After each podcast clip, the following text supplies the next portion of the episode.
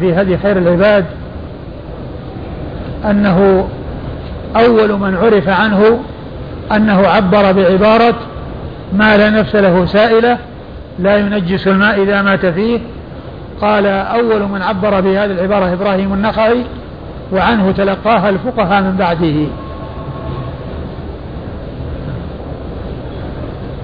عن الأسود. عن الأسود بن يزيد بن قيس النخعي الكوفي. ثقة مخضرم أدرك الجاهلية والإسلام ولم يلقى النبي صلى الله عليه وسلم وحديثه أخرجه أصحاب الكتب الستة. عن عائشة. عن عائشة وقد مر ذكرها. قال حدثنا عبد الله بن محمد النفيلي قال حدثنا وكيع عن أسامة بن زيد عن ابن خربود عن أم صبية الجهنية رضي الله عنها أنها قالت اختلفت يدي ويد رسول الله صلى الله عليه وآله وسلم في الوضوء من إناء واحد. ثم أورد أبو داود رحمه الله حديث أم صبية وهي خولة بنت قيس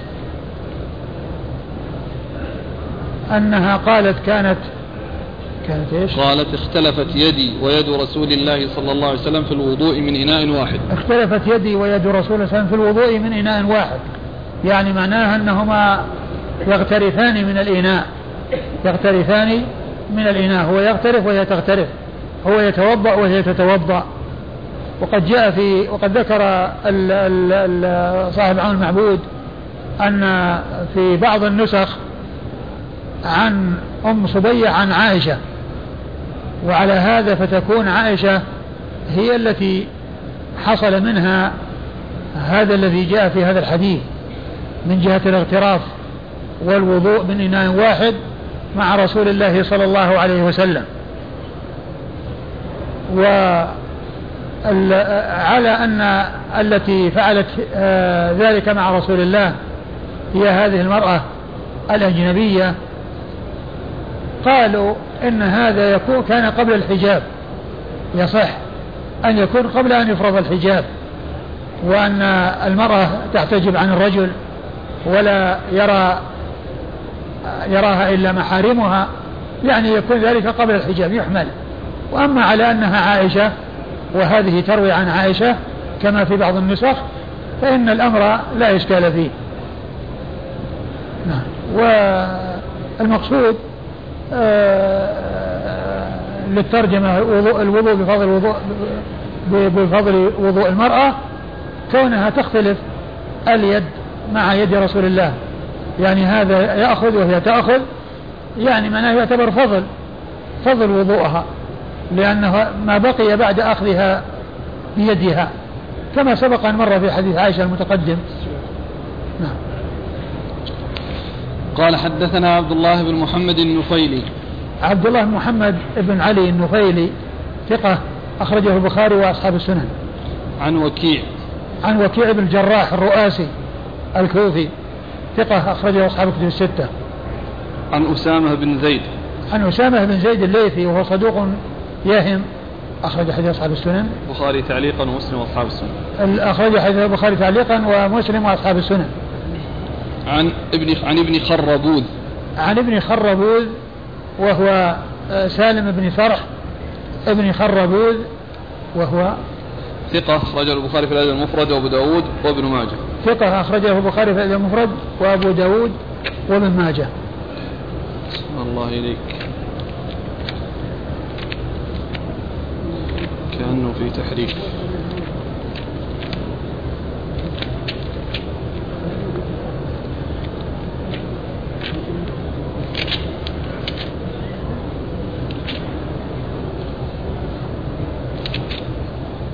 أحسن الله إليك بالجيم. سالم بن سرج. ها؟ سرج ولا شرح؟ سرج. قال ابن حجر. نعم. كتاب الجيم؟ نعم. بفتح المهملة وسكون الراء بعدها جيم. أيه. أبو النعمان المدني. سالم بن سرج وليس بن شرح سالم بن سرج آه المدني وهو ثقة. نعم. أخرج له أبو, أبو البخاري في المفرد وأبو داود وابن ماجه. نعم. نعم. سرج نعم. آه عن أم صبية الجهنية عن أم صبية الجهنية وهي خولة بنت قيس وهي صحابية حديثها أخرجه البخاري في هذا المفرد وأبو داود بن ماجه يعني كالذي كالذي روى عنها. قال حدثنا مسدد قال حدثنا حماد عن أيوب عن نافع حاء قال وحدثنا عبد الله بن مسلمة عن, عن مالك عن نافع عن ابن عمر رضي الله عنهما أنه قال كان الرجال والنساء يتوضؤون في زمان رسول الله صلى الله عليه وآله وسلم قال مسدد من الإناء الواحد جميعا ثم أورد أبو داود رحمه الله حديث ابن عمر. كان الرجال والنساء في زمان رسول الله صلى الله عليه وسلم يتوضؤون في الإناء الواحد. قال مسدد جميعا. يعني آه، أحد الشيخين هو الذي أتى بهذه اللفظة وهي جميعا. والمقصود آه، أنه مثل ما تقدم يعني يتوضؤون جميعا من وعاء واحد أو من من المكان الواحد. وقالوا في زمان رسول الله صلى الله عليه وسلم إضافة إلى زمن النبوة وأنهم كانوا يفعلون ذلك ولا يعني ينكر عليهم دال على أن هذا مما أقروا عليه ولهذا كما جاء في حديث أبي سعيد كنا نعزل والقرآن ينزل لو كان شيء ينهى عنه لنهانا عن القرآن فإضافة الشيء إلى زمن النبوة وأنه ما حصل يعني منعه من ذلك دل على مشروعيته. نعم. قال حدثنا مسدد عن حماد. مسدد مر ذكره وحماد غير منسوب وهو بن زيد. إذا جاء حماد غير منسوب وهو بن زيد. لأن مسدد يروي عن حماد بن زيد. وهذا يعني آه، حماد مهمل غير منسوب فإذا جاء مسدد يروي عن حماد وهو غير منسوب يحمل على حماد بن زيد لأنه يروي عن حماد بن زيد ولا يروي عن حماد بن سلمة. وهذا عكس موسى بن إسماعيل الذي مر ذكره كثير مرارا يروي عن حماد غير منسوب وأنه حماد بن سلمة. وأنه حماد بن سلمة. موسى بن إسماعيل يروي عن حماد غير منسوب وهو بن سلمة. ومسدد يروي عن حماد غير منسوب وهو ابن زيد. وحماد بن زيد ثقة أخرجه أصحاب الكتب الستة. عن أيوب. عن أيوب بن أبي تميم التختياني وهو ثقة أخرجه أصحاب الكتب الستة. عن نافع. عن نافع مولى بن عمر وهو ثقة أخرجه أصحاب الكتب الستة. عن عبد الله بن عمر بن الخطاب رضي الله عنهما الصحابي الجليل أحد العبادلة الأربعة من أصحاب النبي صلى الله عليه وسلم وهم عبد الله بن عمر وعبد الله بن عمرو وعبد الله بن الزبير وعبد الله بن عباس وهو أيضا أحد السبعة المعروفين بكثرة الحديث عن النبي صلى الله عليه وسلم والذين أشرت إليهم آنفا. صلى الله عليك بعد نافع قال حاء وحدثنا عبد الله بن مسلم. ثم قال حاء وحدثنا وها حاء تدل على التحويل من إسناد إلى إسناد. حدثنا عبد الله بن مسلم. عبد الله بن مسلمة مر ذكره والقعنبي عن مالك عن نافع عن ابن عمر. عن مالك عن نافع عن ابن عمر وقد مر ذكرهم. الفرق بين الشيخين لأنه هو الآن المتن. قال كان الرجال والنساء يتوضؤون في زمان رسول الله صلى الله عليه وآله وسلم. قال مسدد من الإناء الواحد جميعا. قال مسدد من الإناء الواحد جميعا. فهذه الزيادة كلها من مسدد لا الظاهر أنها الزيادة بس من الإناء الواحد.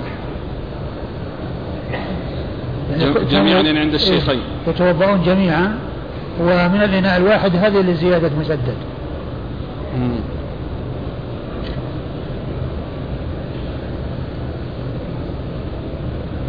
لأنه ما فصل. قال مسدد من الإناء الواحد جميعا. ما قال يعني. نعم. أقول العبارة يعني ظاهرها الاتصال. لا بس هو الكلام على العبارة هذه اللي هي الأولى ما يكون كلام تام. كان الرجال والنساء يتوضؤون إيش؟ في زمان رسول الله صلى الله عليه وسلم. نعم يتوضؤون نعم. هذا هو الواقع. يتوضؤون لكن إيش إيش الشيء الذي يراد؟ يعني يتوضؤون جميعا يعني من إناء واحد.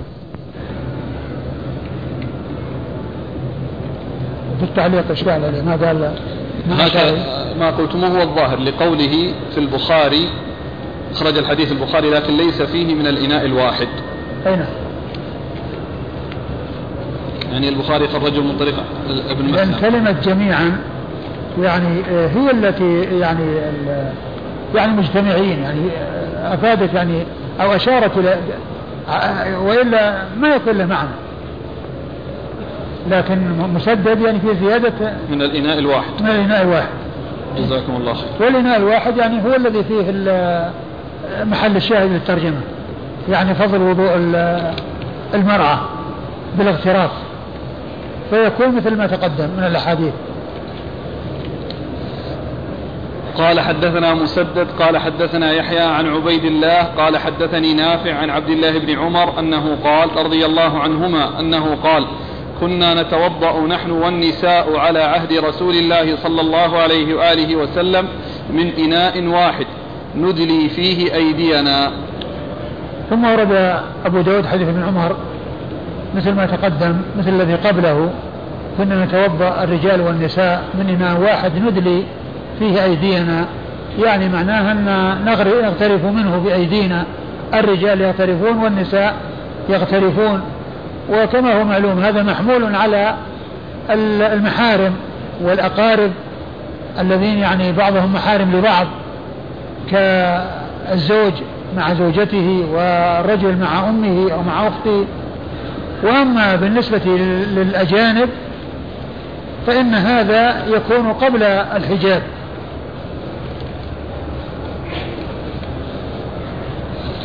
قال حدثنا مسدد عن يحيى عن عبيد الله يحيى هو القطان وقد مر ذكره عن عبيد الله عن عبيد الله بن عبد الله عبيد الله بن حفص بن عاصم العمري عبيد الله عبيد الله بن عمر عبيد الله بن عمر بن حفص بن عاصم العمري المصغر وهو ثقة أخرجه أصحاب الكتب الستة. عن نافع عن عبد الله بن عمر. عن نافع عن ابن عمر وقد مر ذكرهما. قال رحمه الله تعالى باب النهي عن ذلك.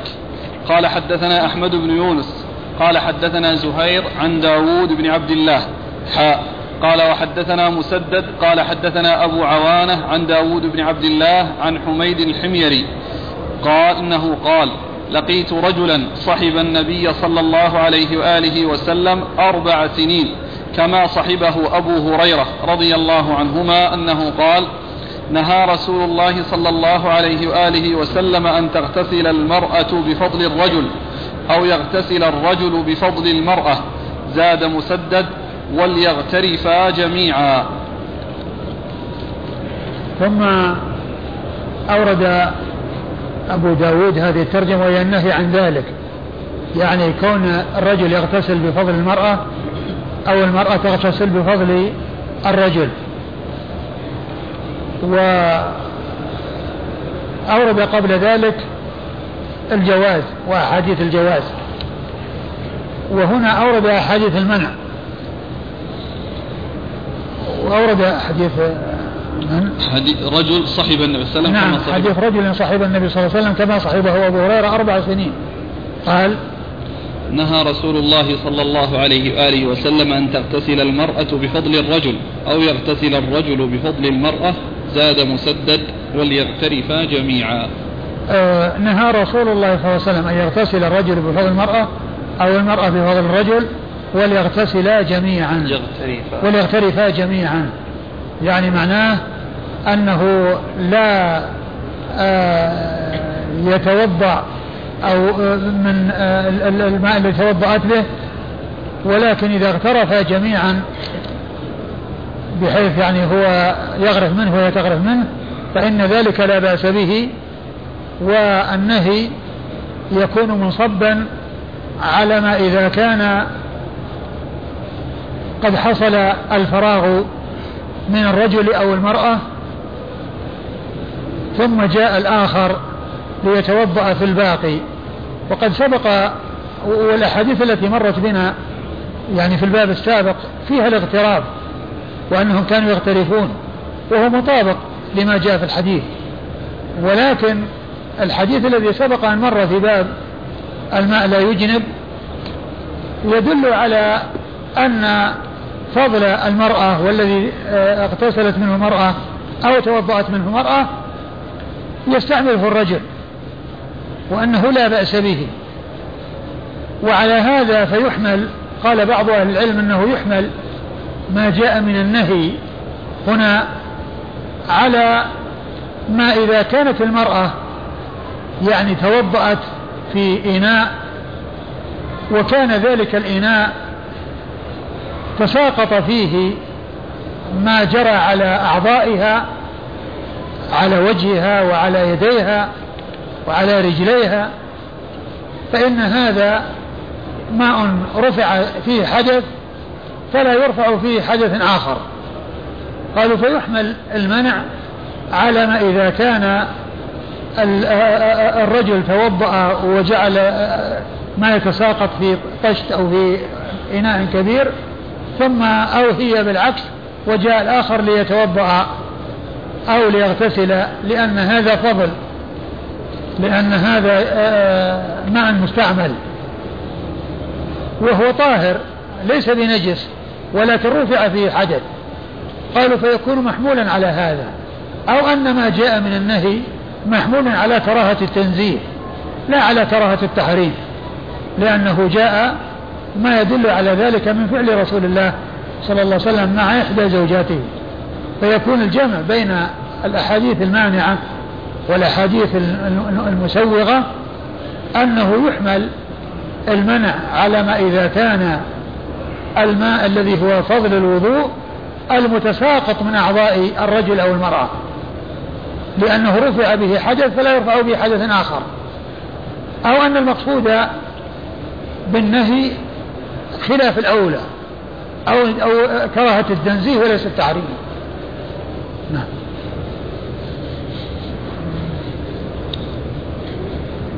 وليغترفا جميعا.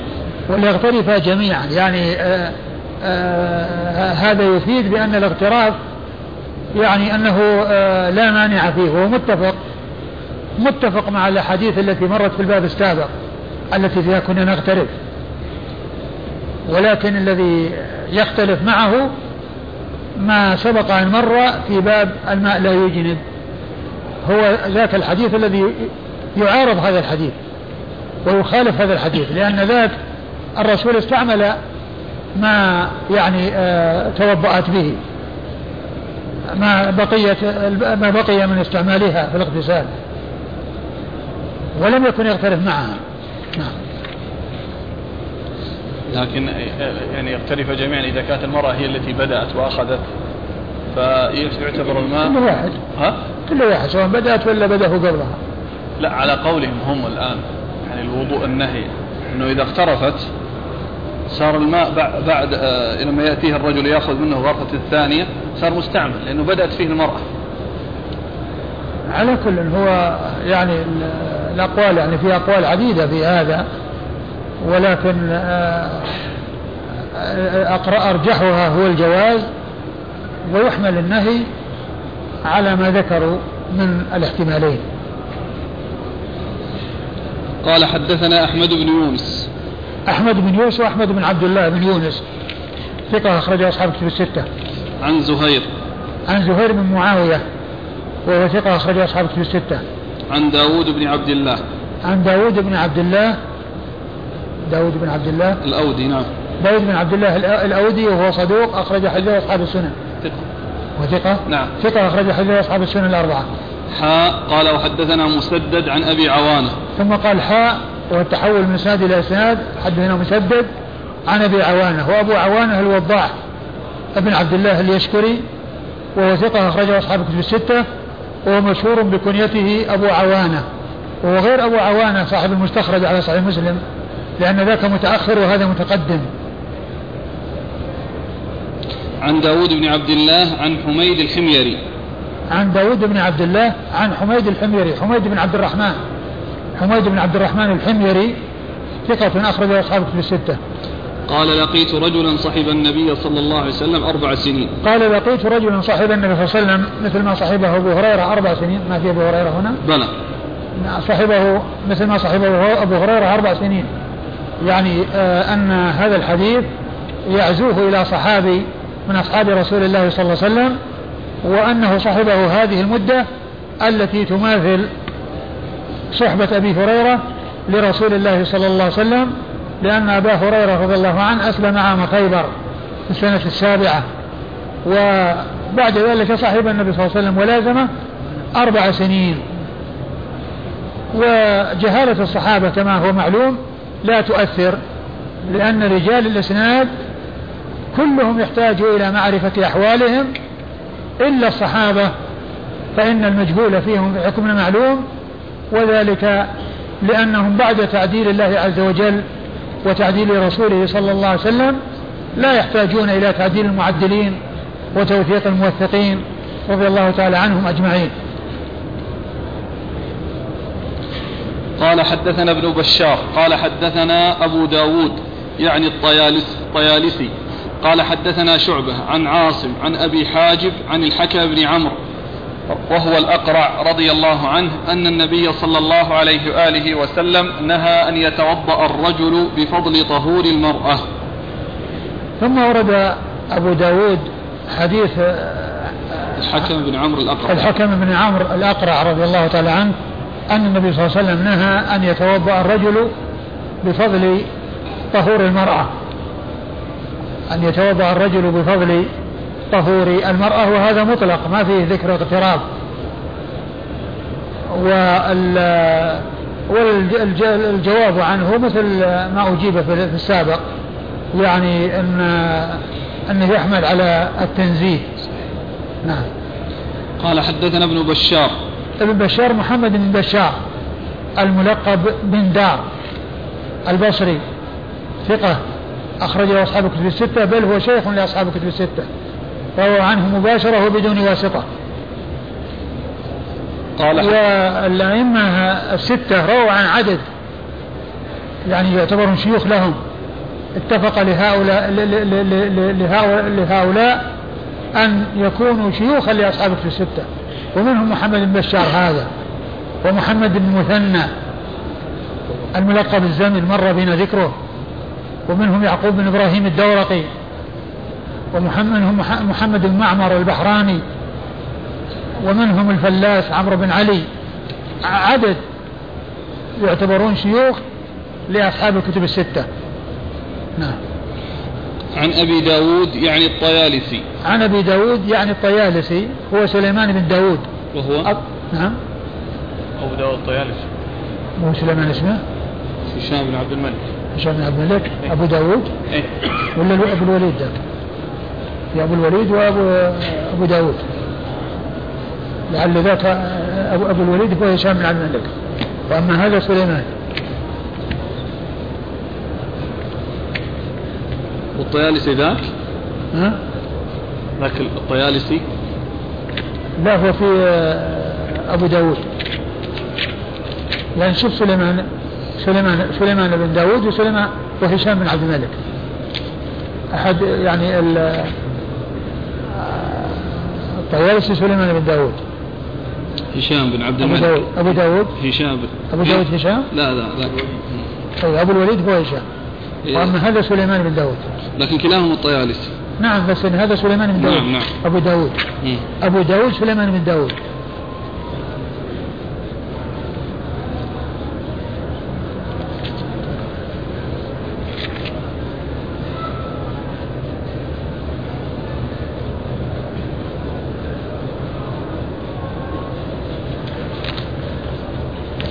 نعم أبو داود سليمان بن داود؟ نعم. نعم أبو داود سليمان بن داود الطيالسي وأبو الوليد هشام بن عبد الملك الطيالسي. آه الذي معنا أبو داود الطيالسي آه ثقة أخرجه البخاري تعليقا ومسلم وأصحاب السنة الأربعة. عن شعبة. عن شعبة بن الحجاج الواسطي ثم البصري ثقة وصف بأنه أمير المؤمنين في الحديث وحديثه أخرجه أصحاب الكتب الستة. عن عاصم. عن عاصم وهو بن سليمان الأحول. عاصم ابن سليمان الأحول والأحول لقبه وهو ثقة أخرج له أصحاب كتب الستة. عن أبي حاجب. عن أبي حاجب وهو وهو سوادة بن عاصم العنزي. سوادة بن عاصم العنزي وهو صدوق رجل أصحاب السنن. وهو صدوق أخرجه أصحاب السنن. عن الحكم بن عمرو وهو الأقرع. عن الحكم بن عمرو وهو الأقرع صاحب رسول الله صلى الله عليه وسلم. حديث أخرجه أصحاب السنن. نعم. وحديثه أخرجه أصحاب السنن. ومع البخاري. البخاري وأصحاب السنن. نعم. قال رحمه الله تعالى باب الوضوء بماء البحر. نعم. نعم. ست دقائق نعم. ست دقائق يمضي والله تعالى أعلم وصلى الله وسلم وبارك على عبده ورسوله نبينا محمد وعلى آله وأصحابه أجمعين. جزاك الله خير وأحسن الله إليك ونفعنا الله بما قلت. قول الفقهاء الماء المستعمل لا يجوز استعماله، ما مرادهم بالاستعمال؟ هل ما بقي في الإناء أو الماء المتساقط من المتوضأ أو المغتسل؟ الفقهاء عندهم هذا وهذا بس ما أدري من الذي يقول بهذا ومن الذي يقول بهذا. يعني منهم من يقول حتى الاغتراف يعني لا, لا يجوز. يعتبرون يعني ما مستعمل. أي نعم.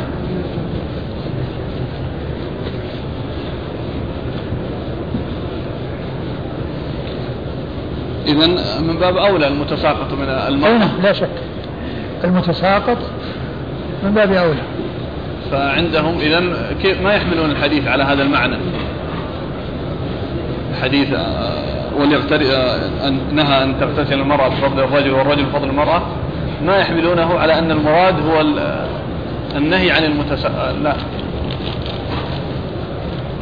لا هو هو يعني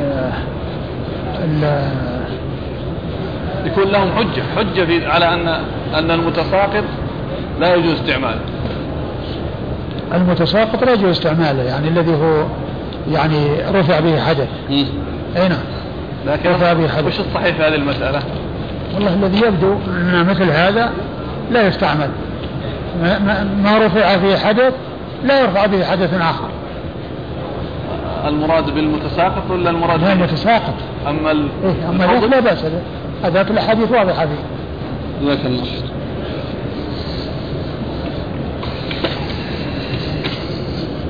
ويجعلون من جنس هذا يعني من جنس مثل الجمار رمي الجمار الحصى نعم. الذي رمي به.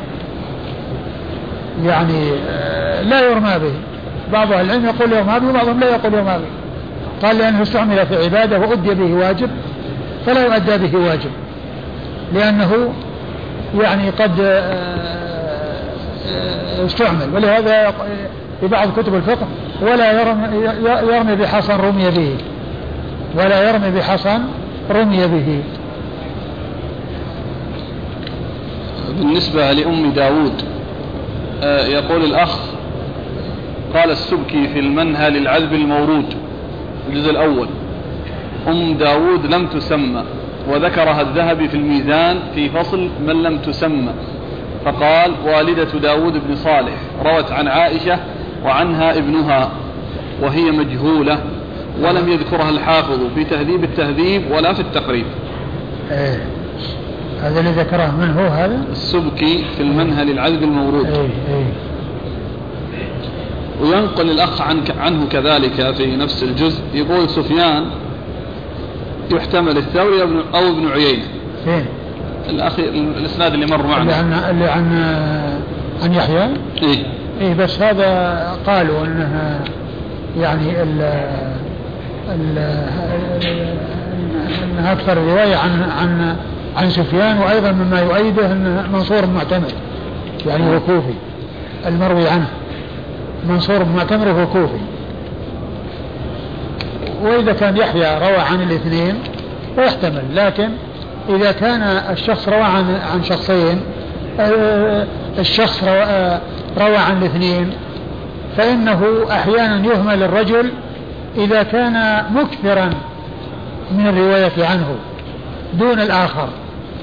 فإنه أحيانا وإن روى عن الآخر إلا أنه آه، لإكثاره عنه يهمله ويحمل ذلك على على هذا. وهذا من من القواعد التي يرجع إليها في هذا أن إذا كان روى عن الاثنين يصير يحمل على من له باختصاص أو له به اتصال كثير أو أنه يعني فيه ملازمة أو كونه من بلده يعني يكون معه على اتصال دائم. والله تعالى أعلم وصلى الله وسلم وبارك على عبده ورسوله نبينا محمد وعلى آله وأصحابه أجمعين. بسم الله الرحمن الرحيم. الحمد لله رب العالمين. والصلاة والسلام على نبينا محمد وعلى آله وصحبه أجمعين. قال الإمام أبو داود السجستاني رحمه الله تعالى باب الوضوء بماء البحر. قال حدثنا عبد الله بن مسلمة عن مالك عن صفوان بن سليم عن سعيد بن سلمة من آل بن من آل بن الأزرق أن المغيرة بن أبي بردة وهو من بني عبد الدار أخبره أنه سمع أبا هريرة رضي الله عنه يقول سأل رجل النبي صلى الله عليه وآله وسلم فقال يا رسول الله إنا نركب البحر ونحمل معنا القليل من الماء فإن توضأنا به عطشنا أفنتوضأ بماء البحر. فقال رسول الله صلى الله عليه وآله وسلم هو الطهور ماؤه الحل ميتته. بسم الله الرحمن الرحيم. الحمد لله رب العالمين وصلى الله وسلم وبارك على عبده ورسوله نبينا محمد وعلى آله وأصحابه أجمعين. أما بعد يقول الإمام أبو داود السجستاني رحمه الله تعالى باب الوضوء بماء البحر أي حكمه وأنه سائغ وأنه جاءت بذلك السنة عن رسول الله صلى الله عليه وسلم بأنه يتوضأ به وأن ماءه طهور بل وإن ميتته, وإن ميتته حلال. أورد فيه أبو داود رحمه الله حديث أبي هريرة رضي الله تعالى عنه أن النبي صلى الله عليه وسلم سأله رجل عن الوضوء بماء البحر وقال إنا كنا نركب البحر ونحمل القليل من الماء فإذا استعملناه في الوضوء عطشنا يعني أنه آه، ينفد ولا آه، نتمكن أو لا يبقى معنا شيء نشربه فنعطش أفنتوضأ بماء البحر؟ يعني حتى نبقي على هذا الماء الذي نحمله معنا ولا نستعمله إلا للشرب فأجابهم النبي الكريم صلى الله عليه وسلم بقوله هو الطهور ماؤه الحل ميتته.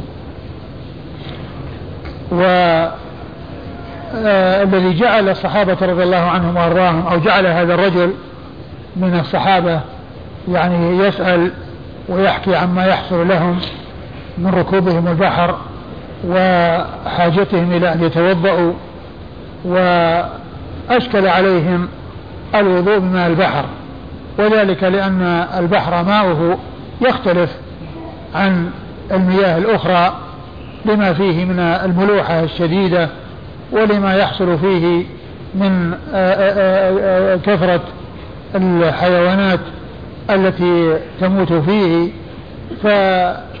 فترددوا في حله فرجعوا إلى النبي صلى الله عليه وسلم يسألونه فأجابهم بأن هو ماء طهور وأن الميتة فيه حرام وحلال. فقال هو الطهور ماءه والحل ميتته.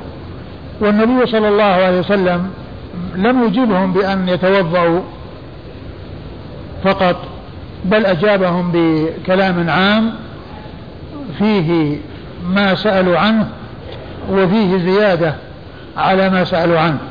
فقال هو الطهور ماؤه يعني ماؤه ماء طهور يحصل به التطهر ويحصل به رفع الحدث الأكبر والأصغر وأيضا ما يحصل فيه من الميتات فإنه يكون حلالا. وفي الحديث أن ما يسمونه ما يسمى بأسلوب الحكيم وهو الإجابة على أكثر من السؤال إذا اقتضى الأمر ذلك وذلك أن أن الصحابة لما أشكل عليهم الوضوء منه مع أنه ماء ولكنه يختلف في عن غيره بشدة المرارة وكان قد أشكل عليهم هذا فمن باب أولى أن يشكل عليهم ما يموت فيه فأضاف إلى ما سألوا عنه جوابا آخر لم يسألوا عنه لأن الأمر يقتضيه ولأن حالهم قد تستدعيه ويحتاجون إلى السؤال عنه فأجابهم دون أن يسألوا لأنهم لم يستشكلوا ذلك الأمر الأخف الذي هو الوضوء منه فإن استشكالهم حصول الميتة حل الميتة يكون من باب أولى. فأجابهم النبي الكريم صلى الله عليه وسلم بما سألوا عنه وبزيادة عما سألوا عنه اقتضاها حال هؤلاء السائلين. وهذا من كمال بيانه عليه أفضل الصلاة وأتم التسليم وكمال نصحه صلى الله عليه وسلم لأمته وأنه قد أتاها وبلغها ما آه كل ما تحتاج إليه وكل ما شرعه الله عز وجل أداه النبي الكريم عليه الصلاة والسلام على التمام والكمال كما قال ابن شهاب الزهري رحمة الله عليه من الله الرسالة وعلى الرسول البلاغ وعلينا التسليم فالذي من الله وهو الإرسال إرسال الرسل قد حصل والذي على الرسل وهو البلاغ قد حصل والذي على الأمم وهو التسليم والانقياد والاستسلام والإذعان فهذا هو الذي ينقسم الناس فيه إلى موفق آه ممتثل لما أريد منه وإلى مخذول آه لا يوفق للشيء الذي آه آه طلب منه الاتيان به. نعم. قال حدثنا عبد الله بن مسلمة قال حدثنا عبد الله بن مسلمة هو القعنبي وهو ثقة أخرج حديث أصحاب الكتب الستة إلا ابن ماجه. عن مالك. عن مالك بن أنس إمام دار الهجرة المحدث الفقيه الإمام المشهور أحد أصحاب المذاهب الأربعة المشهورة من مذاهب أهل السنة وحديثه أخرجه أصحاب الكتب الستة. عن صفوان بن سليم. عن صفوان بن سليم وهو ثقة أخرج له أصحاب الكتب. نعم. أخرج له أصحاب الكتب الستة. عن سعيد بن سلمة من آل بن الأزرق. عن سعيد بن سلمة من آل من آل؟ من آل بن الأزرق. من آل بن الأزرق وهو ثقة أخرج حديثه أصحاب السنة الأربعة. عن المغيرة بن أبي بردة. عن المغيرة بن أبي بردة وهو أيضا ثقة أخرج حديثه أصحاب السنة الأربعة. عن أبي عن أبي هريرة عبد الرحمن بن صخر الدوسي رضي الله تعالى عنه صاحب رسول الله صلى الله عليه وسلم وأحد السبعة المعروفين بكثرة الحديث عن النبي صلى الله عليه وسلم وهو أكثر الصحابة حديثا عن الإطلاق. وهذا الحديث صححه جماعة كثيرون من أهل العلم. آه لما ذكر الحافظ بن حجر ترجمة المغيرة بن أبي بردة هذا الذي يروي عن أبي هريرة قال في آخر ترجمته وصحح حديثه في الوضوء من ماء البحر ابن خزيمة ثم سرد عشرة أشخاص من الحفاظ وقال وقال بعد ذلك وآخرون.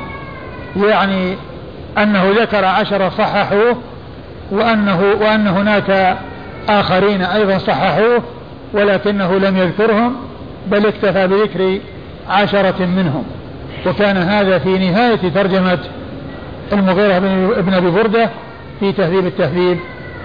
ذكر ذلك الحافظ بن حجر في آخر ترجمته. وقال صحح حديث صحح حديثه في الوضوء بماء البحر. ابن خزيمة وسرد عشرة أشخاص وبعد ذلك قال وآخرون. يعني أنه لم يستوعب هؤلاء الذين صححوه بل ذكر العشرة وأشار إلى غيرهم. وهذا الحديث بدأ به الحافظ بن حجر كتابه بلوغ المرام. جعله أول حديث في هذا في هذا الكتاب وفي باب المياه وذلك لأنه مشتمل على ماء البحر الذي هو الماء الكثير والذي آه، يحتاج الناس إليه كثيرا في ركوبهم البحر فيحتاجون إلى الوضوء منه. فبدأ به الحافظ بن حجر كتابه بلوغ المرام. قوله صلى الله عليه وسلم الحل ميتته هل يستثنى شيء؟ بعض أهل العلم عمم الحكم في قوله الحل ميتته لأنه أضاف الحل إلى الميتة وأن كل ميتة تكون فيه حلال فأخذ بالعموم ومنهم من قال إنه يستثنى من ذلك بعض الحيوانات التي لها نظير في البحر. ولكن لا شك أن عموم الحديث عام في حل كل ميتة تكون في البحر ما دام أنها من دواب البحر ومن حيوانات البحر. لأن المقصود ميتته يعني مما لا يعيش إلا به. أما لو مات فيه شيء يعيش في البر فهو مثل ما لو مات في المياه الأخرى فإنه يكون حراما. موته في البحر لا يحله وإنما المقصود ميتته التي مما يعيش فيه. أما لو مات فيه شيء لا يعيش فيه فإنه يكون حراما كما لو مات في أنهار أو في آبار أو في عيون أو ما إلى ذلك.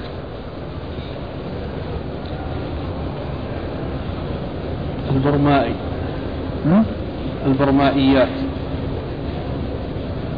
الشيء الذي يعني يعيش في البر الشيء الذي يعيش في البر ويعيش في البحر وإذا خرج من البحر عاش هذا يعطى حكم البر. ولا يقال إنه يعني آه، آه، إذا مات فيه يكون ميتة بحر. لأن ذلك لأن الذي له ذلك الحكم هو الذي لا يعيش فيه. لا يعيش إلا فيه. أما إذا كان يعيش في غيره ويمكن أن يعيش فيه ويعيش في غيره فلا ليس له هذا الحكم. وإنما الحكم للذي لا يعيش إلا فيه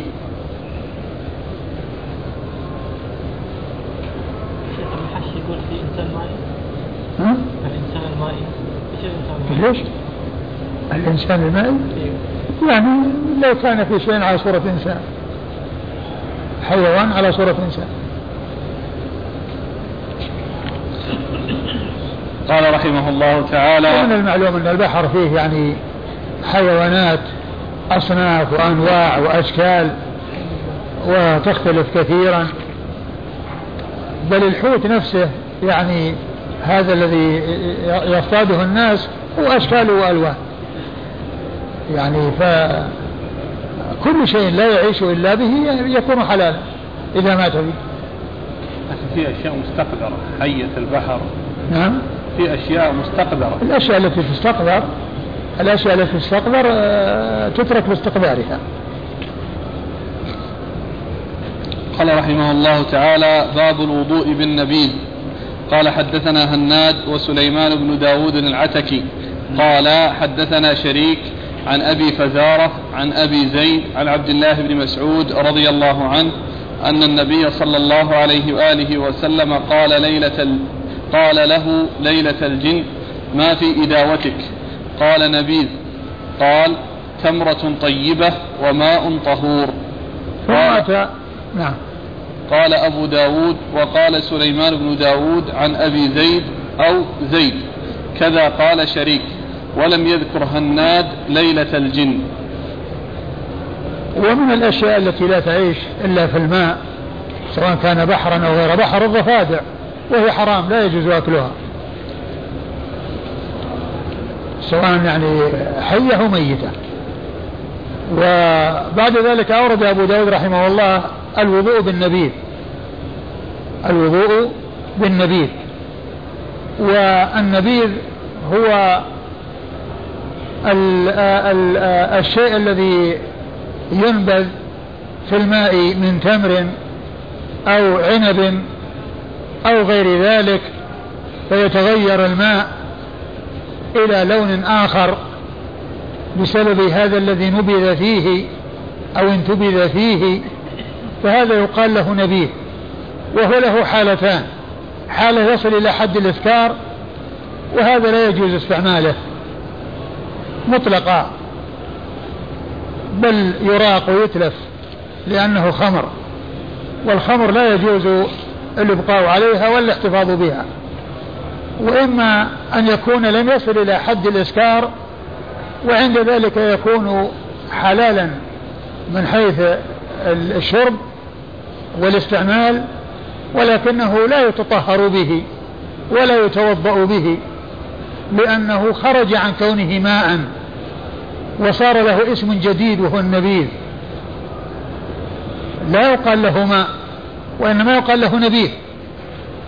يعني حصل اسما جديدا غير الاسم الذي كان موجودا للماء من قبل بسبب هذا الذي نبذ فيه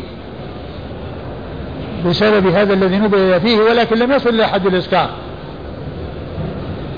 فلا يجوز الوضوء به. والإنسان الذي تدركه الصلاة وليس عنده ماء وعنده نبيذ يتيمم ولا يستعمله وإنما يستعمله في الشرب وكونه يستفاد منه شربا وطعاما وأما أن يستفاد منه وضوءا فلا يجوز لأن الله عز وجل جعل الحكم في الطهارة إنما هو للماء والنبيذ ليس ماء وإنما هو نبيذ. لا يقال له ماء وإنما يقال له نبيذ مثل ما يقال للبن لبن ويقال لسائر المائعات بأسمائها التي تخصها. عندما يعني آه، آه، تختلط بالماء ويطغى يعني آه، لونها على على لون على على لون الماء فإنها تخرج يخرج الماء يخرج عن كونه ماء. يخرج عن كونه ماء إلى أن يكون اسم جديد آخر. ولهذا أبو داود رحمه الله عقد هذه الترجمة قال الوضوء بالنبيذ يعني ما جاء فيه وحكمه ولم يأتي في الوضوء منه سنة عن رسول الله صلى الله عليه وسلم. لم يثبت في ذلك عن رسول الله صلى الله عليه وسلم شيء. ولكن المقصود بالترجمة هو بيان الحكم والنتيجة أنه لا يجوز لأنه لم يثبت في ذلك سنة عن رسول الله صلى الله عليه وسلم ولأنه خرج عن كونه ماء. والله تعالى جعل الطهارة في الماء أو ما يقوم مقام الماء الذي هو التيمم عند فقد الماء أو العجز عنه. ومن فقد الماء ووجد النبيذ لا يكون واجدا للماء فينتقل إلى التيمم ولا يجوز له استعمال النبيذ في الطهارة ولكنه يستعمله في الشرب لأنه إذا لم يصل إلى حد الإسكار فإنه يكون مباحا. وسبق أن مر بنا في سنن النساء الأحاديث الكثيرة المتعلقة بالانتباذ وأن النبي صلى الله عليه وسلم كان في أول الأمر نهى الناس أن ينتبذوا في أوعية آه، آه، شديدة أوعية يعني آه، سميكة أوعية يعني لا يظهر على ظاهرها أثر الإسكار لو وصل إلى حد الإسكار ولكنه بعد ذلك رخص في الانتباه في أي وعاء واشترط ألا يشربوا مسكرا. فقال عليه الصلاة والسلام كنت نهيتكم على الانتباه في أوعية ألا فانتبذوا في كل وعاء ولا تشربوا مسكرا. الحاصل أن النبيذ لا يجوز استعماله في الطهارة وعرفنا النبيذ ما هو وهو كون التمر يوضع في ماء أو الزبيب يوضع في ماء أو العنب يوضع في ماء مدة لا يصل إلى حد الإسكار فيتغير ذلك الماء بسبب هذا الذي وضع به ويحصل اسما جديدا. فيكون الحكم بأنه ما لم يصل إلى حد الإسكار يستعمل في الشرب ولا يجوز استعماله في الطهارة لأنه ليس بماء. والطهارة إنما هي في الماء أو ما يقوم مقام الماء. أورد في هذا أبو داود حديث ابن مسعود رضي الله تعالى عنه أن أنه لما كان مع النبي صلى الله عليه وسلم ليلة الجن وقال له آه، ما في إداوتك قال نبيذ فقال عليه الصلاة والسلام تمرة طيبة و ماء طهور. وماء طهور. تمرة طيبة وماء طهور وعند غير أبي داود فتوضأ منه فتوضأ منه رسول الله صلى الله عليه وسلم. فقوله ماء طهور وصفه بأنه ماء طهور يعني معناه أنه يتطهر به. وعند غير أبي داود زيادة على ذلك أنه توضأ به صلى الله عليه وسلم. ولكن هذا الحديث لم يثبت لأن فيه راويا مجهولا اتفقوا على أنه مجهول وأنه لا يعرف وكذلك الذي روى عنه أيضا آه، اختلف هل هو الشخص الذي هو ثقة الذي هو أبو, أبو فزارة هل هو هو أو أنه غيره و العلماء اتفقوا على أن الحديث غير صحيح وأنه حديث منكر ولهذا نقل الحافظ بن حجر في في آخر ترجمة أبي زيد هذا الذي في الإسناد بأن قال قال ابن عبد البر اتفقوا على أنه مجهول وأن حديثه منكر. أيوة. قال حدثنا هناد. حدثنا هناد وهو ابن السري أبو السري ثقة أخرجه البخاري في خلق أفعال العباد ومسلم وأصحاب السنة الأربعة.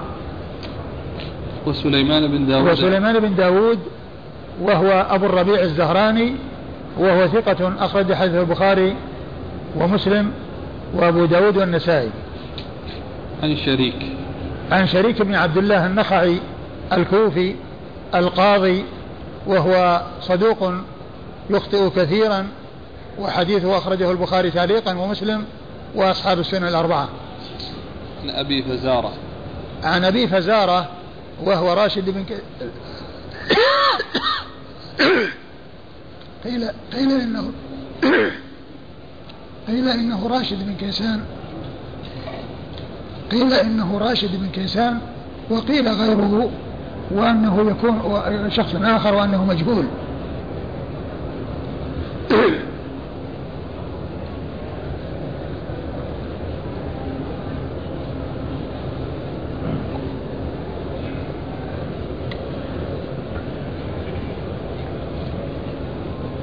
وراشد بن كيسان ثقة أخرج له. البخاري في الأدب المفرد ومسلم وأبو داود والترمذي وابن ماجه. البخاري في المفرد ومسلم وأبو داود والترمذي وابن ماجه. عن أبي زيد. فعلى أنه راشد بن كيسان لا إشكال وعلى أنه غيره يعني يكون شخصا آخر مجهول يكون مجهول إلا مجهول. وسواء كان راشد بن كيسان أو غيره يكفي جهالة أبي زيد الذي يروي عن أبي هريرة والذي قال الحافظ بن حجر في كتابه تهذيب التهذيب في آخر ترجمته قال ابن عبد البر اتفقوا على أنه مجهول وأن حديثه منكر. نعم. عن أبي زيد. عن أبي زيد وهو مجهول المخزومي أبي زيد المخزومي وهو مجهول أخرج حديثه. أبو داود والترمذي وابن ماجه. أبو داود والترمذي وابن ماجه. عن أبي هريرة رضي الله تعالى عنه عن عبد الله بن مسعود. عن إيش؟ عن عبد الله بن مسعود. نعم عن عبد الله بن مسعود رضي الله تعالى عنه صاحب رسول الله صلى الله عليه وسلم الهذلي وهو من المهاجرين وهو من كبار الصحابة ومن فقهائهم وحديثه أخرجه أصحاب الكتب الستة. قال أبو داود وقال سليمان بن داود عن أبي زيد أو زيد. كذا قال شريك. يعني أن أحد الشيخين لأبي داود وهو سليمان بن داود أبو الربيع الزهراني شك هل هو أبو زيد أو أنه زيد. يعني فيما رواه عن شريك أنه قال أبو زيد أو زيد. وأما هناد فإنه ما شك بل قال أبو زيد ولكنه لم يذكر ليلة الجن الذي هو هناد. يعني أبو الربيع الزهراني الذي هو سليمان بن داود الشيخ الثاني, الشيخ الثاني ذكر يعني ليلة الجن. وأما ال ال وأما الشخص الثاني اللي هو سليمان بن داود لا وأما هناد نعم هناد لم يذكر. هناد هو لم يذكر في الجن ولم يشك في بين أبي زيد وزيد. وأما سليمان داود فهو الذي شك هل هو أبو زيد أو زيد. قال حدثنا موسى بن إسماعيل قال حدثنا وهيب عن داود عن عامر عن علقمة أنه قال قلت لعبد الله بن مسعود رضي الله عنه من كان منكم مع رسول الله صلى الله عليه وآله وسلم ليلة الجن؟ فقال ما كان معه منا أحد. ثم أورد أبو داود رحمه الله الحديث من طريق أخرى وليس فيه ذكر النبي وإنما فيه أن ابن مسعود رضي الله عنه سئل من كان منكم مع رسول الله صلى الله عليه وسلم ليلة الجن؟ فقال لم يكن معه منا أحد. وقوله لم يكن مع من من معه منا أحد يعني معناه أنه حين اجتمع بهم. حينما اجتمع بهم وأنه بعد ذلك يعني أراهم أماكنهم فهو في حال لقيه بهم وتلاوته عليهم القرآن لم يكن معه أحد من أصحابه رضي الله تعالى عنهم وأرضاهم. وإذا فهذا هذا الحديث يعني لا يتعلق ليس فيه ذكر قصة ال ال النبيذ وإنما فيه ذكر قصة ليلة الجن وأنه لم يكن معه أحد منهم والمقصود أنه ليس معه أحد في حال اجتماعهم به. وأما كون أحد معه قبل ذلك أو أنه يعني أراهم بعد ذلك المكان الذي كانوا فيه فهذا ليس مما نفي وإنما الذي نفي كون النبي صلى الله عليه وسلم حال لقيه بالجن معه أحد من أصحابه الكرام رضي الله عنهم وأرضاهم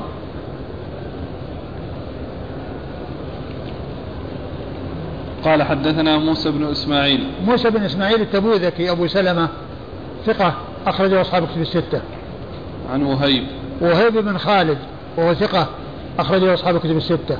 عن داود عن داود ابن أبي هند وهو ثقة أخرجه البخاري تعليقا ومسلم وأصحاب السنن عن عامر. عن عامر بن شراحيل الشعبي وهو ثقة أخرج له أصحاب كتب الستة. عن علقمة. عن علقمة بن قيس النخعي وهو ثقة فقيه أخرج له أصحاب كتب الستة. عن عبد الله بن مسعود. عن عبد الله بن مسعود رضي الله عنه وقد مر ذكره. يعني ما يكون مراد الإمام أبي داود أن يبين ضعف الرواية الأولى. بإنكار عبد الله بن مسعود أن يكون مع رسول الله صلى الله عليه وسلم أحد.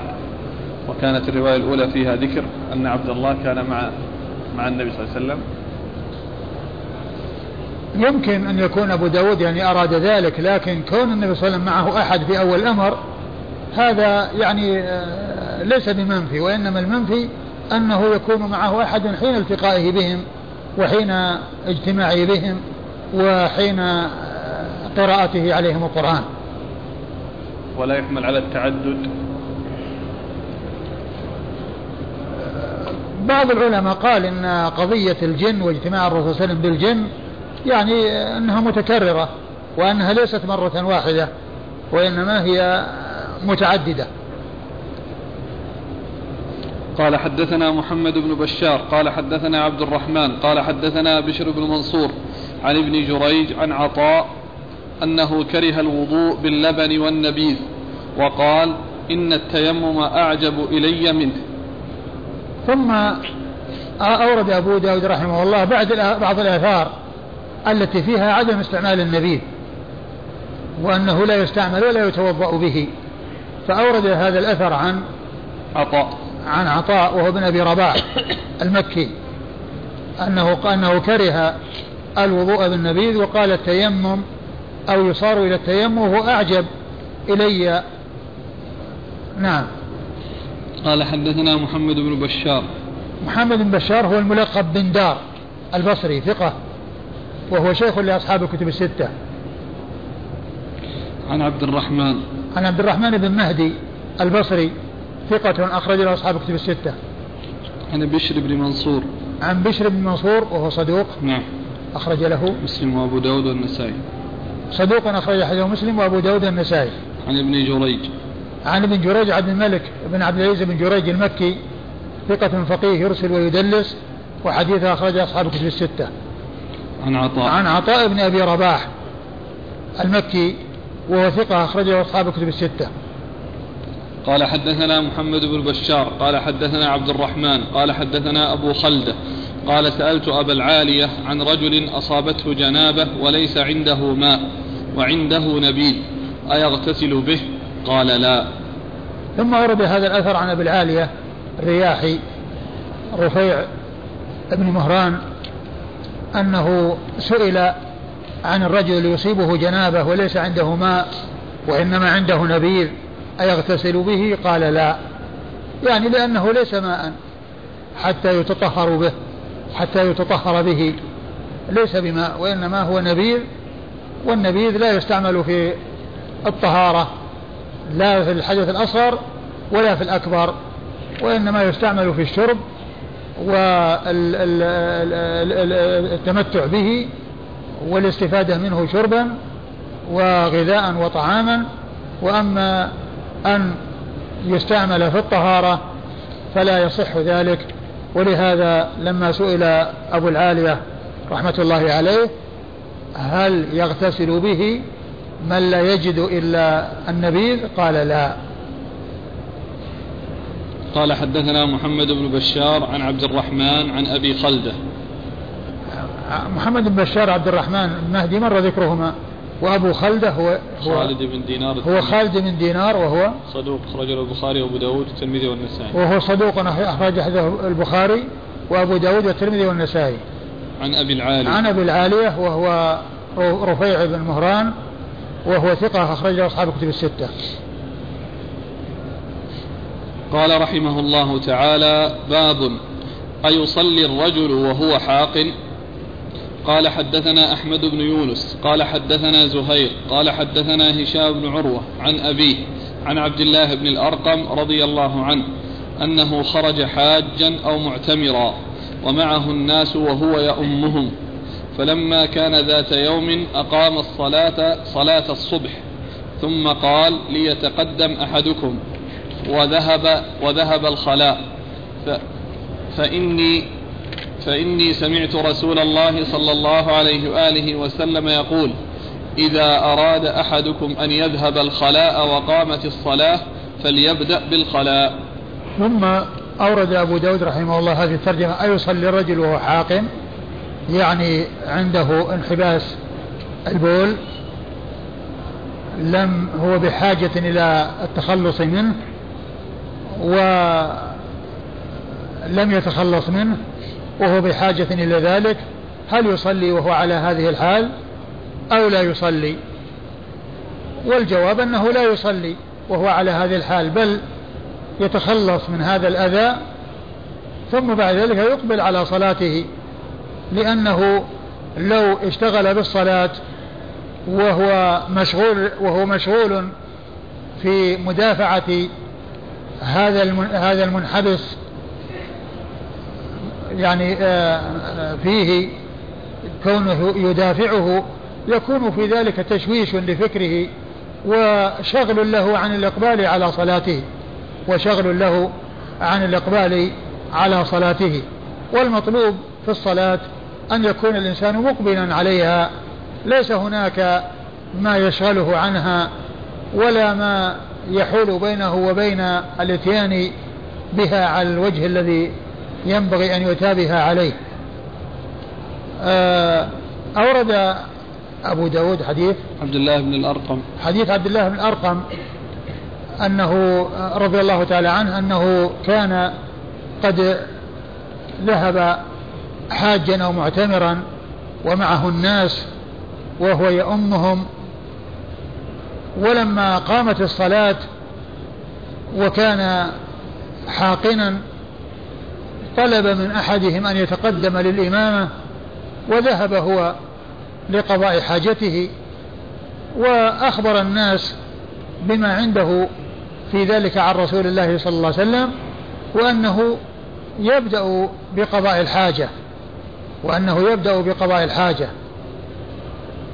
فدل هذا على أن من كان حاقنا سواء كان ذلك بولا أو غائطا فإن عليه أن يتخلص أولا من ذلك الأذى الذي فيه ثم بعد ذلك يقبل على صلاته وهو غير مشغول البال آه، وغير مشوش الفكر والذهن بسبب هذا الأذى الذي هو يدافعه. أيوة. إيش قال في المتن؟ إذا أراد أحدكم لا أولا. ها؟ أولا قال. عن عبد الله بن الأرقم أنه خرج حاجا أو معتمرا ومعه الناس وهو يؤمهم. يعني هو يؤمهم في الصلاة. يعني هو يؤمهم في الصلاة. أيوة. فلما كان ذات يوم أقام الصلاة صلاة الصبح ثم قال ليتقدم أحدكم وذهب الخلاء. ليتقدم أحدكم ثم قال وذهب الخلاء هذا ليس من كلامه. وإنما من كلام الراوي عنه هو عروة. يعني ثم ذهب أي عبد الله بن أرقم والذي قاله ليتقدم أحدكم ثم بعدها فإني سمعت رسولا فإني سمعت رسولا يعني ذكر أرشدهم إلى أن يتقدم واحد منهم وأخبر بأنه سمع رسول الله صلى الله عليه وسلم يعني يقول آه إيش قال؟ فإني سمعت رسول الله صلى الله عليه وآله وسلم يقول إذا أراد أحدكم أن يذهب الخلاء وقامت الصلاة فليبدأ بالخلاء. يعني معناه إذا قامت الصلاة وهو بحاجة إلى أن يتخلص مما هو موجود فيه مما يدافعه فإنه يبدأ بالخلاء ويبدأ بقضاء الحاجة ويتخلص من ذلك الذي يؤذيه ويشغل باله ثم يقبل على صلاته وهو, وهو غير مشوش. نعم. قال حدثنا أحمد بن يونس. أحمد بن يونس أحمد بن عبد الله بن يونس. ثقة أخرجه أصحاب كتب الستة. عن زهير. عن زهير بن معاوية هو ثقة أخرجه أصحاب كتب الستة. عن هشام بن عروة. عن هشام بن عروة هو ثقة ربما دلس وحديث أخرجه أصحاب كتب الستة. عن أبيه. عن أبيه عروة بن الزبير. وهو ثقة أحد فقهاء المدينة السبعة في عصر التابعين وحديث أخرجه أصحاب الكتب الستة. عن عبد الله بن الأرقم رضي الله عنه وحديثه أخرجه أصحاب السنة الأربعة. قال أبو داود روى وهيب بن خالد وشعيب بن إسحاق وأبو ضمرة هذا الحديث عن هشام بن عروة عن أبيه عن رجل حدثه. عن عبد الله بن أرقم. والأكثر الذين رووه عن هشام قالوا كما قال زهير. ثم ذكر أبو داود رحمه الله أن زهير بن معاوية الذي أورد أبو داود حديثه وسياقه أن أكثر الرواة على وفق ما رواه زهير بن معاوية من جهة أن عروة بن الزبير يروي عن عبد الله بن الأرقم مباشرة وبدون واسطة. ولكن بعض الرواة الذي سمى وهم ثلاثة سماهم وهم وهيب بن خالد وهيب بن خالد وشعيب بن وشعيب بن إسحاق وأبو ضمرة. هؤلاء الثلاثة رووه آه وجعلوا بين عروة بن الزبير وعبد وعبد الله بن الأرقم رجلا. قال عن عروة عن رجل عن عبد الله بن أرقم. لكن قال أبو داود الأكثر أكثر الرواة رووه على ما قال معاوية أو على ما زهير بن معاوية. على ما رواه زهير ابن معاوية يعني أنه متصل وأنه ليس هناك واسطة بين آه عروة وبين عبد الله بن أرقم. وهيب بن خالد. وهيب بن خالد ثقة أخرج أصحاب الكتب الستة. شعيب بن وشعيب بن إسحاق أيضا ثقة أخرج أصحاب الكتب الستة. إلا الترمذي. إلا الترمذي. وأبو ضمرة وهو شد أنس بن عياض بن ضمرة. وهو أنس بن عياض. بن ضمرة الليثي. وهو أنس بن عياض وهو ثقة نعم. أخرجه أصحاب الكتب نعم. ثقة أخرجه أصحاب الكتب الستة. اسمه أنس بن عياض. وهو مشهور بكنيته أبو ضمرة. وحديثه أخرجه أصحاب الكتب الستة.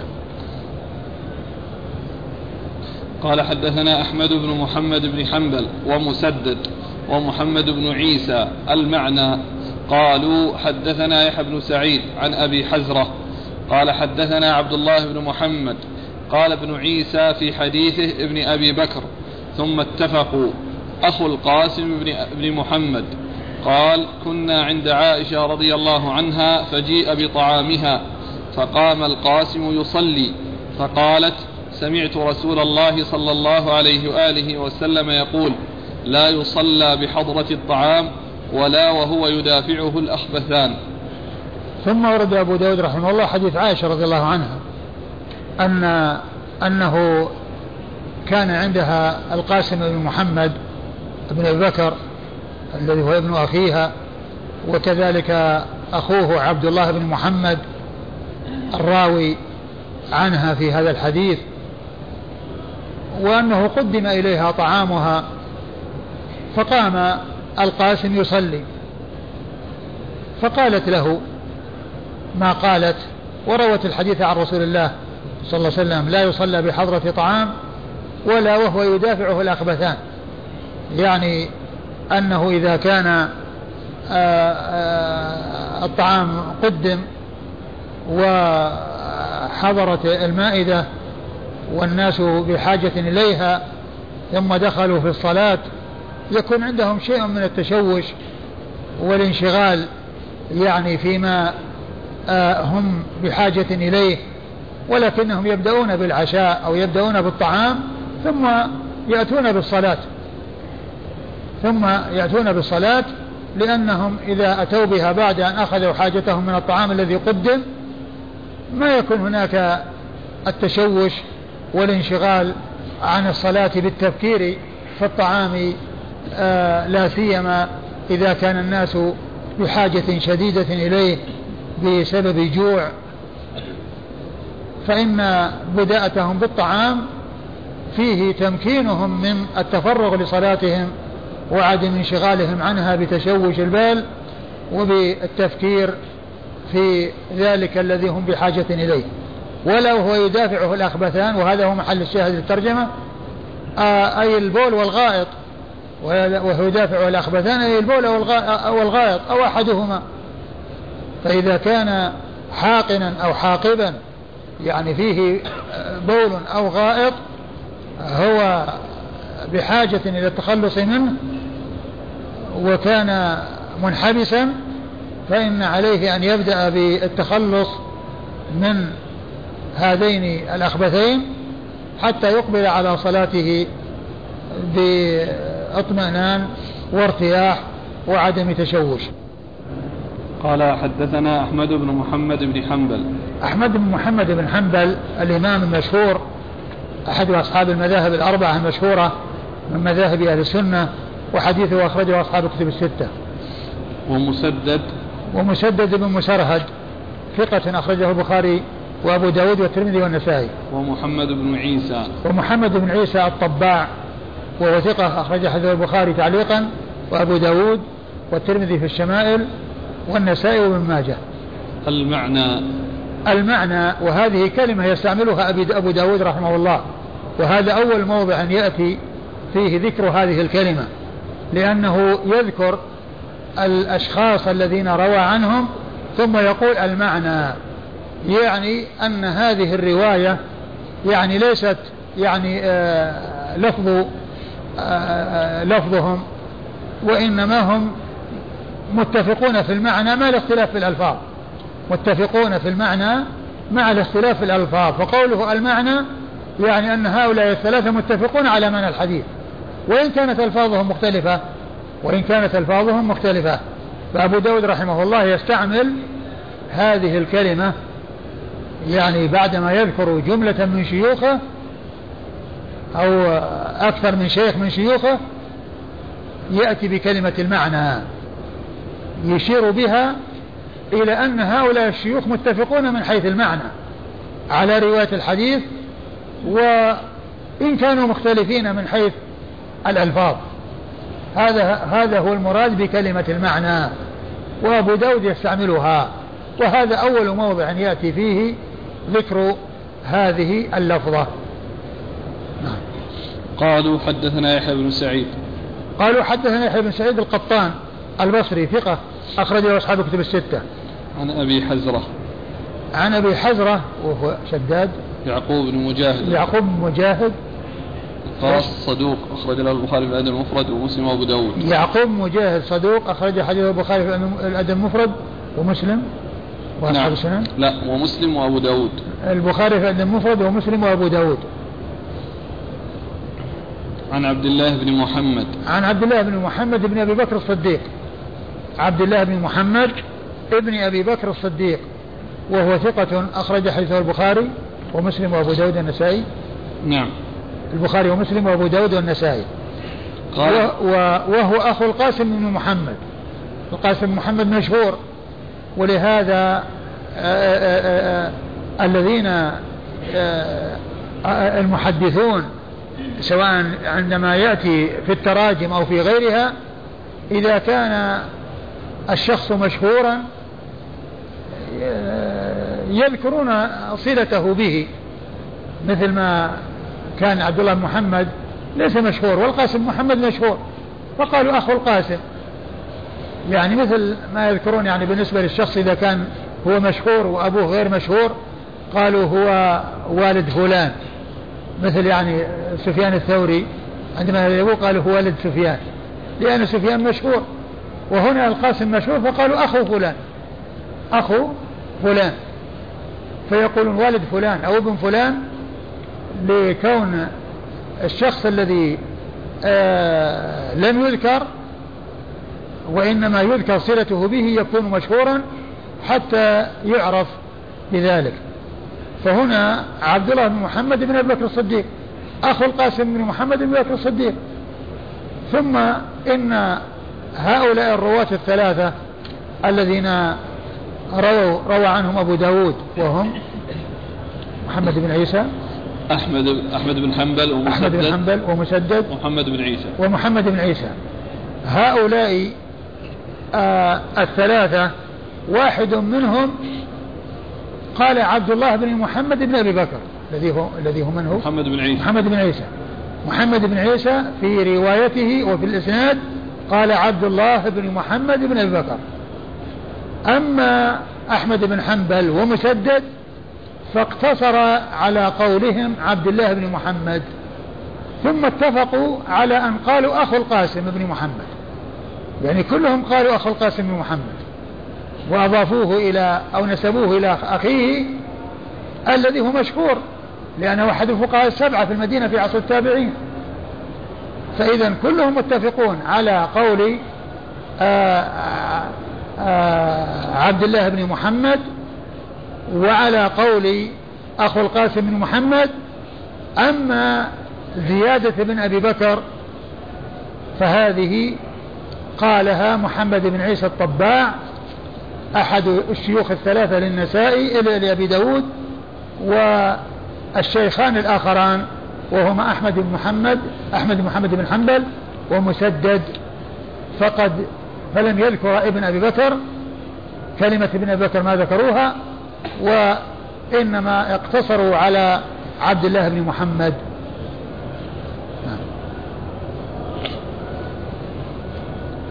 قال كنا عند عائشة فجيء بطعام وأبو داود رحمه الله أحيانا يذكر يعني التفصيل في أثناء الإسناد وأحيانا يذكره بعد ما ينتهي الحديث.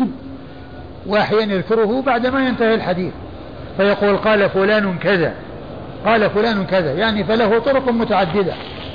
أحيانا في أثناء الإسناد يذكر الفرق مثل ما قال هنا. قال ابن عيسى ابن أبي بكر. واتفقوا بعد ذلك على قولهم أخو, أخو القاسم بن محمد. وأحيانا عندما ينتهي الحديث يقول قال فلان كذا قال فلان كذا يعني أحد الشيخين قال كذا.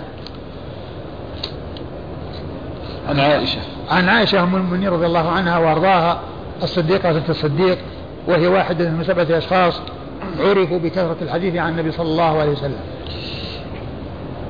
قال حدثنا محمد بن عيسى قال حدثنا ابن عياش عن حبيب بن صالح عن يزيد بن شريح الحضرمي عن أبي حي المؤذن عن ثوبان رضي الله عنه أنه قال قال رسول الله صلى الله عليه وآله وسلم ثلاث لا يحل لأحد أن يفعلهن لا يؤم رجل قوما فيخص نفسه بالدعاء دونهم فإن فعل فقد خانهم ولا ينظر في قعر بيت قبل أن يستأذن فإن فعل فقد دخل ولا يصلي وهو حقن حتى يتخفف. ثم ورد أبو داود رحمه الله حديث ثوبان رضي الله تعالى عنه. ثوبان مولى رسول الله صلى الله عليه وسلم. وفيه أنه قال قال رسول الله صلى الله عليه وسلم ثلاثة ثلاث لا يحل لأحد أن يفعلهن. ثلاث لا يحل لأحد أن يفعلهن. يعني ثلاث خصال لا يحل لأحد أن يفعلهن. أيوة. لا يؤم رجل قوما فيخص نفسه بالدعاء دونهم. لا يؤم رجل قوما فيخص نفسه بالدعاء دونهم. وهذا المراد منه في الأمور التي يكون فيها الاشتراك. بأن يعني آه، كان يدعو وهم يؤمنون. فلا يدعو لنفسه. يقول اللهم اغفر لي اللهم ارحمني. وإن يقول اللهم اغفر لنا اللهم ارحمنا. وأما الأدعية الخاصة التي تكون في الصلاة مثل دعاء الاستفتاح اللهم باعد بيني وبين خطاياي. رب اغفر لي وارحمني وارزقني بين السجدتين. وكذلك يعني في آه، المواضع التي فيها ذكر الأفراد فإن كل واحد من المصلين يقولها لنفسه المأموم يقولها بالإفراد والإمام يقولها بالإفراد. ولكن الشيء الذي لا يليق ولا يعني يصح وفيه أثره كونه يعني يخص نفسه في دعاء هم يؤمنون عليه في دعاء هم يؤمنون عليه. وإنما إذا دعا وهم يؤمنون فليعمم ولا يخص نفسه ويأتي بضمير الإفراد وإنما يأتي بضمير الجمع الذي يشمله ويشمل غيره. وعلى هذا فإن الدعوة أو كون الإنسان يدعو لنفسه إذا كان آه وفقا لما جاءت به السنة عن رسول الله صلى الله عليه وسلم. مثل دعاء الاستفتاح والدعاء بين السجدتين وكذلك في أي مكان من الصلاة جاء الدعاء في الإفراد فالإمام يفعله بينه وبين نفسه والمأمون يفعلونه وكل يأتي بالدعاء الذي جاء على سبيل الانفراد ولكن المحذور والذي لا يليق والذي فيه أثره وفيه اختصاص كونه يدعو لنفسه وهم يؤمنون على ذلك. كونه يدعو لنفسه وهم يؤمنون على ذلك. أيوة. قال فإن فعل فقد خانهم. قال فإن فعل فقد خانهم. نعم. ولا ينظر في قعر بيت قبل أن يستأذن. فإن فعل فقد دخل. ولا ينظر في قعر بيت حتى يستأذن. يعني لا ينظر في بيت. يعني حتى يستأذن وحتى يعرف أهله أنه أنه يستأذن. ولهذا الرسول صلى الله عليه وسلم جاء في الحديث قال إنما جعل الاستئذان من أجل البصر. إنما جعل الاستئذان من أجل البصر. يعني حتى يعني الناس ينتبهون ينتبهوا ويعني يستروا الشيء الذي يراد ستره ويخفوا الشيء الذي يريدون إخفاءه. لا يطلع عليهم على غرة أو يظهر بدون استئذان. ف يعني يطلع على عورات وإنما عليه أن يستأذن.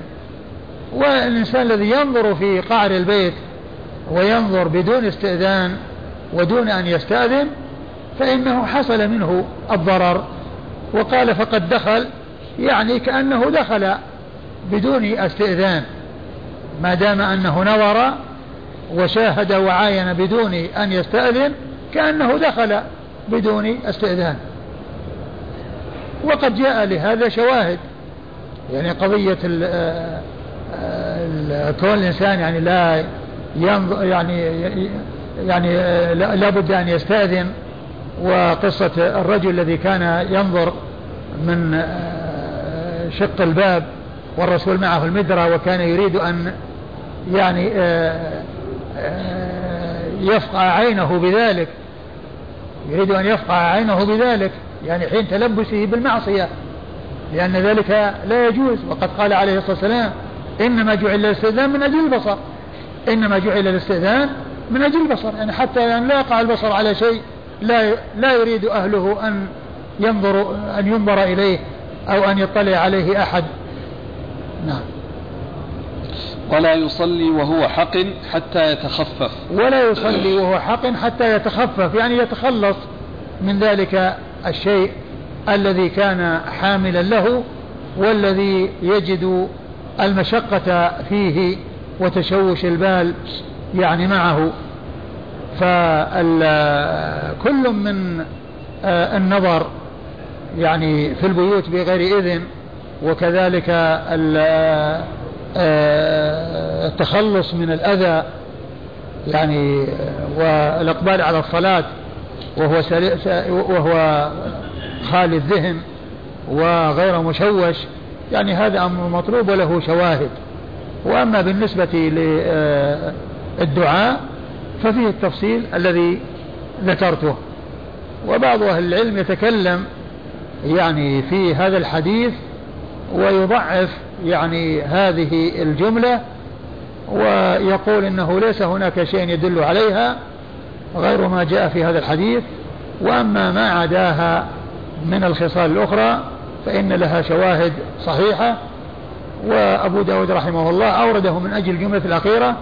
وكل ما مر من الأحاديث قبلها هو من الشواهد لها. قال حدثنا محمد بن عيسى عن ابن عياش. محمد بن عيسى مر ذكره. وابن عياش هو إسماعيل بن عياش. وهو صدوق في روايته عن أهل بلده مخلط في روايته عن غيرهم. وأخرج حديثه. البخاري في رفع اليدين وأصحاب السنن. البخاري في رفع اليدين وأصحاب السنن الأربعة. عن حبيب بن صالح. عن حبيب بن صالح الحمصي وهو ثقة أخرج أبو داود الترمذي وابن ماجه. ثقة أخرج حديث أبو داود والترمذي وابن ماجه. عن يزيد بن شريح الحضرمي. عن يزيد بن شريح الحضرمي وهو صدوق. مقبول. وهو مقبول أخرج حديثه. البخاري في الأدب المفرد وأبو داود الترمذي وابن ماجه. البخاري في الأدب المفرد و أبو داود والترمذي وابن ماجه. وأبو داود والترمذي وابن ماجه. عن أبي حي المؤذن. عن أبي حي المؤذن وهو وهو إيش؟ شداد. شداد. شداد بن حي أبو حي شداد بن حي وهو إيش؟ صدوق رجل البخاري في الأدب المفرد وأبو داود والترمذي وابن ماجه. وهو صدوق أخرج حديث البخاري في الأدب المفرد وأبو داود والترمذي وابن ماجه. عن ثوبان. عن ثوبان مولى رسول الله صلى الله عليه وسلم وحديثه أخرجه أصحاب الكتب الستة. أخرجه أخرجه البخاري تعليقا ومسلم وأصحاب السنة البخاري في الأدب البخاري في الأدب المفرد ومسلم وأصحاب السنة أخرج حديث البخاري في الأدب المفرد ومسلم وأصحاب السنة محمد بن عيسى الطباع من أي بلد؟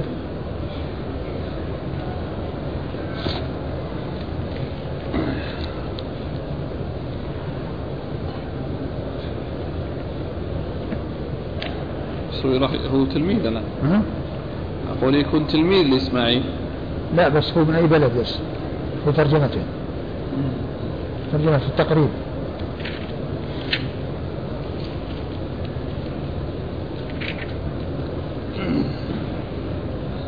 البغدادي. ها؟ البغدادي نزيل أذنة. نزيل أذنة؟ إيه. أذنة؟